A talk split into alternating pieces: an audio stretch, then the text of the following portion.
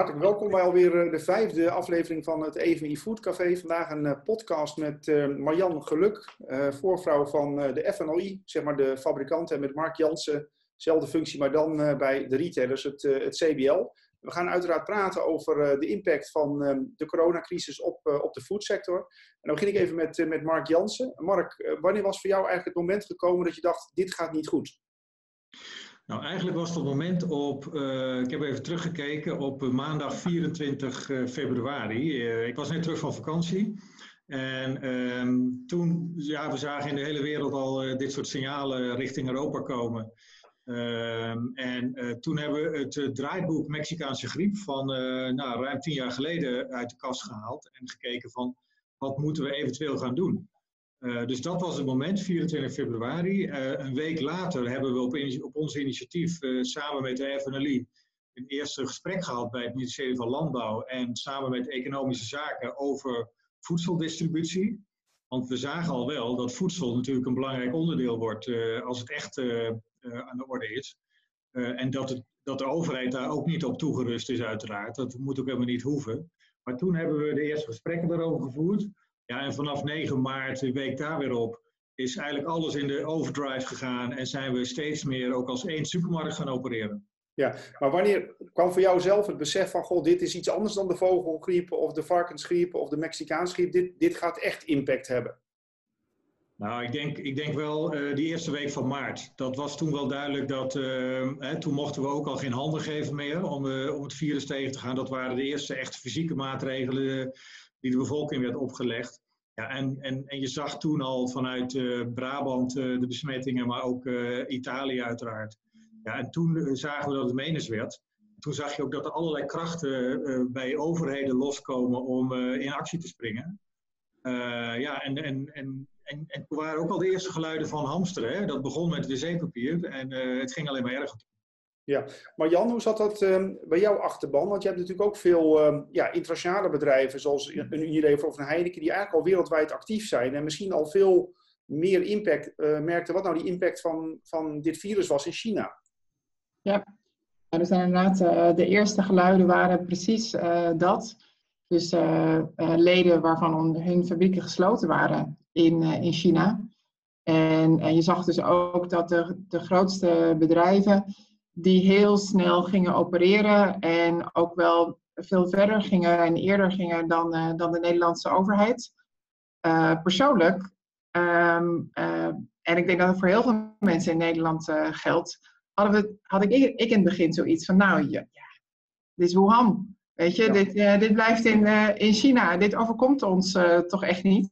Mm -hmm. En um, ja, ik kan me ook nog wel herinneren dat ik in het begin wat lacherig heb gedaan over een, ja, net zoals Mark Rutte, die uh, net heeft gezegd, we mogen geen handen geven en het toch gewoon nog doet. Ja. En uh, ja, die lach was natuurlijk na drie dagen wel, wel weg. En dat merk ik ook bij mezelf, dat dat wel plaats heeft gevonden. Dat ik in het begin ja, het wel, wel hoorde dat fabrieken dicht waren in, uh, in China. ook hoorde bijvoorbeeld over, nou ja, Singapore is ook een plek waar heel veel van mijn leden vestigingen hebben. En die echt in extreme lockdown gingen en die totaal niet begrepen waar Nederland mee bezig was. En andersom uh, moest ik ook wel even van, jeetje, wat gebeurt daar?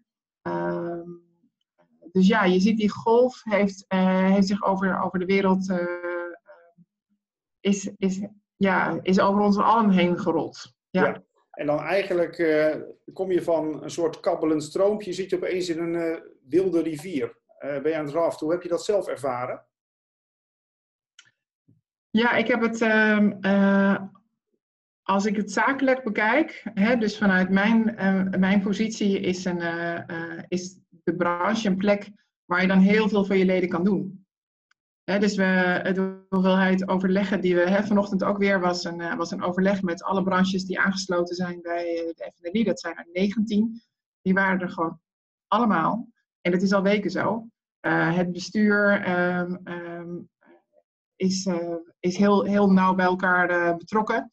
Um, uh, en ja, ook wij beseffen natuurlijk dat het borgen van de voedsel, voedselvoorziening in Nederland en daarbuiten is, een, is zo ongelooflijk belangrijk. Uiteraard natuurlijk economisch, maar ook van, voor het draaien van Nederland en het vertrouwen van de bevolking. Dat alles is anders hè, dus het, de wereld lijkt te veranderd, maar wat je eet en wat je drinkt is gewoon nog hetzelfde.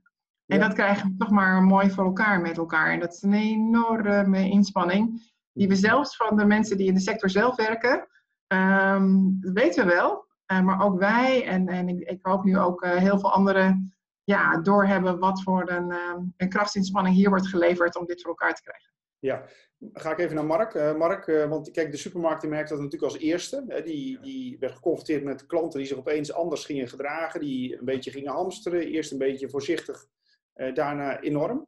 Ja. en, en ja, supermarkten mochten niet dicht. Hè. Dus daar zeg maar waar voor je gevoel kwart Nederland dicht gaat, moeten ja. supermarkten eigenlijk iedere dag 1000, 1500 klanten ontvangen. hoe ga je daarmee om? Nou ja, kijk, wij zeggen elke dag 4 miljoen consumenten over de vloer. Uh, dat is een beetje gemiddeld. Uh, maar wat er gebeurde, vooral uh, toen ook de horeca dichtging, betekent dat heel Nederland aangewezen is op voedsel. en overigens, de kantoren gingen ook dicht. Dus mensen drinken geen koffie meer op kantoor en eten niet meer buiten de deur. Dus alles focust zich nu op de supermarkten vanaf dat moment. dus we zagen een enorme toevloed aan mensen uh, op ons afkomen. Vandaar dat wij ook, uh, en dat is wel best een moeilijke discussie hoor, dat we op een goed moment toch besloten hebben om ook die zelfbedieningsgroothandel open te doen. Mm -hmm. om een aantal redenen. Hè, de producten die daar liggen, die had je anders weg moeten gooien, om, hè, want de horeca koopt daar niet meer. dat zou doodzonde hebben van het voedsel. Maar we, we moesten ook zorgen dat, dat de mensen zich zouden spreiden over meerdere locaties om eten en drinken te kopen. Ja, dus uh, we zagen een enorme stortvloed aan mensen op ons afkomen uh, in tijden waar je er eigenlijk minder zou willen hebben. Uh, en elke keer zijn wij als branche direct op de overheid gevolgd als er nieuwe maatregelen werden afgekondigd. en we hebben gedaan wat we konden. Ehm, maar we hebben wel gezien, inderdaad, daar geef ik Marianne helemaal ga ik in mee, van het, de ongelooflijk knappe prestatie van mensen die in de winkel eigenlijk is dat een van de frontlinies natuurlijk uh, van, uh, van deze coronacrisis. Die continu uh, kei en keihard hebben gewerkt om de boel draaien te houden. En dat zijn vaak jonge mensen. Oké, okay, weet je, ze hoeven niet naar school en ze hadden tijd over. -hmm. maar toch, ga er maar aan staan. en in het begin hebben we daar best wel last van gehad dat consumenten eraan moesten wennen. Klanten in de winkel die Weet je, je staat het vak te vullen en er, er, komt iemand achter je, over je heen om toch dat potje pindakaas te pakken. Nou, weet je, dat zijn die, die momenten, dat, dat hoor je terug. En dan ga je besluiten met z'n allen om ook de kleding aan te passen en uh, eventueel gangpaden af te sluiten als, er, als de vakken gevuld worden. Om, uh, om ja, die medewerkers ook uh, veilig te kunnen laten werken. Dus ja. alles, nou, dus alles heeft enorm veel impact gehad. en kleine dingen die je normaal over het hoofd ziet, die worden dan opeens belangrijk. En dat, uh, dat hebben we geleerd van elkaar. Ja, wat mijzelf opviel is hoe pragmatisch eigenlijk de supermarkten hebben geschakeld. Want op een gegeven moment moeten er spatschermen komen uh, voor, de, voor, de cashier, voor de cashiers. Ja. er, moet, er mag nog maar één klant per 10 vierkante meter. Ja. Er moet buiten, de karretjes moeten worden schoongemaakt. En goed, dat heeft natuurlijk enorm veel inspanningen gekocht. Maar ogenschijnlijk lijkt het alsof de supermarkt dat gewoon doet. Ja, Nee, maar dat is het mooie van überhaupt die hele voedselketen. Het is allemaal zo vanzelfsprekend uh, geworden dat we niet meer erbij stilstaan hoe bijzonder het eigenlijk is. En uh, ja, dat hebben we de afgelopen tijd kunnen laten zien. Hè? dat wij als keten, maar ook mijn branche, de supermarktsector, als het moet heel snel kan schakelen en de juiste dingen doet.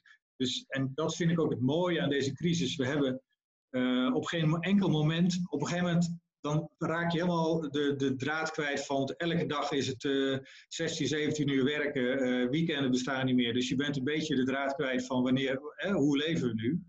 Maar um, ja, je hebt geen enkel moment tijd verloren. En als er belangrijke dingen besloten moesten worden, dan hadden we meteen weer de call met het bestuur te pakken. En uh, iedereen snapte de urgentie. En aan de andere kant ook richting ehm, eh, de, de, de, zeg maar de, de beleidsmakers, politiek. Uh, we hebben meteen uh, direct kunnen schakelen met uh, de hoogste regionen. En dat ging op een dermate efficiënte manier. en we hebben natuurlijk de afgelopen decennia polderen hebben elkaar leren kennen. En weten dat je ook in korte bewoordingen met elkaar kunt spreken zonder dat je onaardig wordt. Mm -hmm. En dat heeft enorm geholpen in deze crisis. Ja, maar Jan, hoe zit het bij jullie? Je zei, jullie hebben ook weer 19 sectoren, dus daar is ook eigenlijk heel veel overleg. Maar um, jij hebt natuurlijk ook bedrijven die heel veel exporteren naar het buitenland. Hè? Dus Het is denk ik één, zeg maar, om overleg te voeren met een Sligro of met een Albert Heijn of een Jumbo. Maar er zijn natuurlijk ook heel veel levensmiddelfabrikanten in Nederland die heel veel exporteren. Die ook naar Walmart exporteren of naar Whole Foods of naar Tesco of naar Auchan. En die eigenlijk nu ook die internationale supply chains geblokkeerd zien. Hoe, hoe gaan jullie daarmee om? Wat je, wat je ziet is dat, um, en even aansluitend op wat, eh, wat Mark net zei over overheden, uh, onze belangrijkste exportmarkten uh, zijn natuurlijk onze buurlanden. Dus on, onze buurlanden, dus Duitsland, België, Engeland, Frankrijk en de rest van Europa, dat zijn natuurlijk onze belangrijkste ehm, landen waar we nu toe exporteren. Dus de Europese Unie of de Europese Commissie was een hele belangrijke. En wat die goed hebben gedaan zijn die green lanes. dus al heel snel werd het dus zo dat ondanks dat er dus natuurlijk hiccups zijn geweest bij, bij grenzen, maar dat er dus het mogelijk bleef om zowel dus ingrediënten en grondstoffen te importeren, want die hebben we nodig in, in Nederland, en vervolgens ook, ook te blijven exporteren. Dat wil niet zeggen dat er geen problemen zijn. Hè. Er zijn volop, volop issues. Maar eigenlijk zie je daar natuurlijk ook daar dat in elk geval wat betreft de verkoop in de retail, hè, want in, in, in horeca is natuurlijk een heel ander verhaal. Maar voor het zorgen dat supermarktschappen vol zijn in heel Europa, um, ja, dat het relatief goed gaat. Maar goed, dat gezegd hebbende, de horeca is natuurlijk een heel ander verhaal. En um, nou ja, daar wordt natuurlijk enorm veel pijn. Ja, maar goed, een deel van jouw achterban levert natuurlijk ook, eh, ik noem wat, aan IKEA als het gaat om bloemen en planten. Of aan de Actions, die in een groot deel van Europa ook, ook dicht zijn. Uh, dus dus de, het, het, beeld zal toch per leverancier verschillen hoe ze ervoor staan. Oh, absoluut. Ja, ja. En dat, dus de, mijn achterban die dus uh, gefocust is in, uh, in food service of in inderdaad de winkels die je, die je net noemt. Daar vallen dus hele harde klappen. Um, volgens mij hoorde ik in de eerdere podcast zeggen hè, van we, we, consumeren er geen, geen calorie minder om. Dat weet ik niet of dat, of dat zo is, maar het is in elk geval zo dat de verkopen zoals die um, verschuiving is naar, naar de retail, dat compenseert natuurlijk niet één op één er zijn grote schokken die door de supply chain gaan. Allereerst natuurlijk met het hamsteren. dat was natuurlijk een enorme schok die we onszelf hebben, hebben toegedaan als, als, als consumenten die we moesten opvangen. En vervolgens dus, nou internationaal was er al eerder natuurlijk lockdown in, in food service, maar ook in Nederland op een gegeven moment. En dat zijn enorme schokken en enorme pijn die we niet te boven zijn. En ja, als ik twee voorbeelden mag, mag noemen, twee extreme als je bijvoorbeeld kijkt naar de, de internationale berichten die we zien van, uh, van zuivelproductie in, uh, in Europa, dan zijn er echt al landen die dus melk de sloot in hebben moeten laten lopen. Wat natuurlijk verschrikkelijk is. Die beelden zijn er ook van, van Amerika.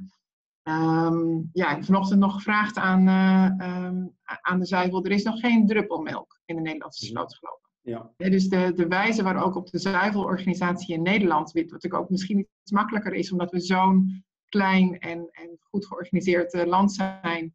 Een hele andere markten dan misschien in een, in een uitgestrekt Frankrijk, wat heel veel lokaal is en waar ze niet met elkaar schakelen. Maar dat hebben we hier dan toch een heel stuk beter voor elkaar. Um, een ander voorbeeld, uh, wat we wellicht allemaal kennen, maar uh, de aardappelsector. Ja, daar zijn geloof ik 26.000 vrachtauto's uh, vol met, met frietaardappelen die we niet kunnen afzetten. Ja, ja, dat is natuurlijk ons, verschrikkelijk dat, dat je zoveel derving hebt. Um, maar zijn de, op dit moment de regelingen vanuit de overheid dan ook afdoende? Want um, er is natuurlijk een regeling gekomen vrij snel, waarbij eigenlijk op het moment dat je meer dan 20% omzetverlies hebt, dat je dan uh, zeg maar arbeidstijdverkorting kunt aanvragen, dat de overheid dat aanvult tot 90%.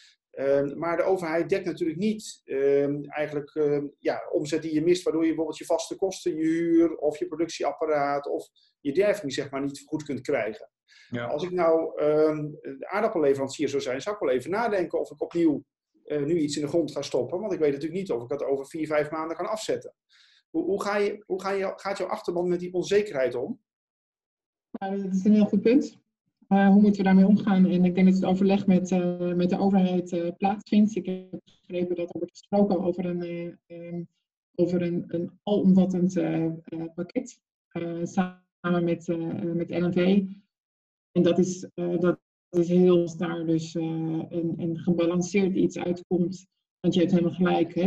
de regelingen zoals die zijn genoemd, dekken natuurlijk niet dit soort zaken zoals, zoals deze aardappel, aardappelvliezen. Dus ehm, nee, heel belangrijk dat, we daar, uh, dat daar iets gebalanceerd uitkomt. Ja, dus wellicht dat die, dat die regelgeving nog wat uh, verruimd wordt. Ga ik naar uh, Mark Jansen. Um, ja, Mark, we zijn nu eigenlijk ook wel een beetje gewend aan de nieuwe situatie, hoe we moeten winkelen. CBL heeft een bericht doen uitgaan dat we met name met de paasboodschappen dat we dat wat meer moeten spreiden. Ja. Maar kijk eens wat verder, hè, want vroeg of laat, zeg maar, nou ja, die lockdown zal er geleidelijk van, af, uh, van afgaan. Ja. Uh, hoe, hoe, kijk jij zeg maar, naar de komende maanden? Nou, ik denk dat we nu uh, naar de, de paas, het paasweekenden kijken. Hè? Dus dat, moet, dat gaat nu wel de goede kant op waarschijnlijk. Als iedereen zich houdt aan de afspraak van kom alleen boodschappen doen, spreid je boodschappen, gebruik een boodschappenlijstje. Allemaal van die adviezen die je nooit had hopen te, te kunnen doen. Maar we hebben ze gedaan. Ehm, ja, na de Pasen, dan eh, gaan we richting het einde van de lockdown. Uh, laten we daar even van uitgaan. Dan zul je zien dat er steeds meer partijen uh, de pijn gaan laten blijken. Want de pijn is overal geleden. Hè? Dus laat ik zo zeggen, je noemde net een aantal sectoren. Maar in mijn achterban wordt ook heel veel pijn geleden door met name foodservice, die natuurlijk niet aan de horeca levert. die niet open konden voor de consument. Maar ook, wat denk je van uh, de kleinere winkels, zeg maar de, de, de Jumbo City Stores en de AH to go's en de Sparren in de, in de drukke buurten. Die hebben omzetdervingen laten zien van meer dan 50% de afgelopen tijd. Ja. Dus uh, er wordt nu het idee opge, uh, het idee is nu dat supermarkten fantastisch gedraaid hebben. Maar een heel groot deel van de, van de sector, van mijn achterban, heeft ook met verliezen te maken. Dus, en met doorgaande vaste kosten natuurlijk, die je net noemt. Um, en bovendien, de supermarkten die zijn blijven doordrijven, iedereen nu zijn boodschappen doet, die hebben ook enorm veel kosten gemaakt. En ik denk dat de extra kosten, uh, de extra opbrengsten hebben overstegen de afgelopen ja. tijd. Dat zal de komende tijd wel blijken als de cijfers allemaal bekend raken. En heb je dan bijvoorbeeld over bewaking voor de deur of ja. uh, over uh, spatschermen bij kassa's, dat soort zaken? Al dat soort dingen, uh, bewaking, extra schoonmaak, wat denk je daarvan? Mensen aan de deur, vrachtwagens, honderden extra vrachtwagens die dag en nacht aan het rijden zijn. Maar, en extra personeel natuurlijk. Maar wat denk je van de kosten in de, in de supply chain? en die kosten delen we dan natuurlijk met fabrikanten. Maar de interviews van de supermarkten de afgelopen tijd in de, in de vakbladen. Je moet nu lege containers naar eh, landen sturen. Waar je normaal gesproken volle met export doet en terug uh, haal je de spullen meer naar Nederland toe. Nou, dat, dat spelletje dat is heel anders geworden nu. En daar zitten enorme hoge transactiekosten in die keten verborgen, die ergens een keer uh, neerslaan. Ja, Um, als we nu iets verder gaan kijken, kijk, het is inmiddels ook wel duidelijk dat het niet alleen een supply schok is geweest en nu ook een vraagschok, maar dat, er ook echt, dat we echt in een diepe recessie uh, belanden. Um, ik geloof Frankrijk al over het eerste kwartaal iets van min 6% of zo, dan gaat het echt heel hard. Ja. Um, ook ING kwam gisteren met een raming dat uh, de economie dit jaar 6 tot 8% zal krimpen. En dat betekent eigenlijk dat er natuurlijk ook een, ja, dat het consumentenvertrouwen enorm is gedaald. En dat we ook waarschijnlijk ander gedrag van de consument gaan zien. Hè? De consument gaat uh, besparen.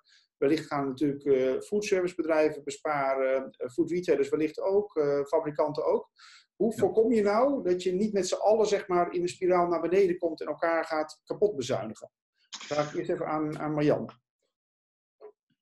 Um, nou ja, heel hele terechte, vraag natuurlijk. Um, uh, niemand kan, kan voorzien hoe precies die portemonnee van de, van de consument eruit gaat zien in de komende tijd kunnen natuurlijk lange termijn uh, effecten zijn van de arbeidsmarkt, hoe pensioenen aangepast gaan worden. Dus het, het vertrouwen van de, van de consument.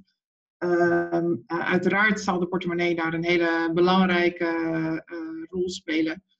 Ja, het goede nieuws natuurlijk voor, um, voor de foodsector is, is dat dit een sector is die um, als ik ook kijk zeg maar, naar de cijfers uh, van, van heel veel jaren. Wij produceren dus een, uh, een monitor en het is eigenlijk soms best wel saai.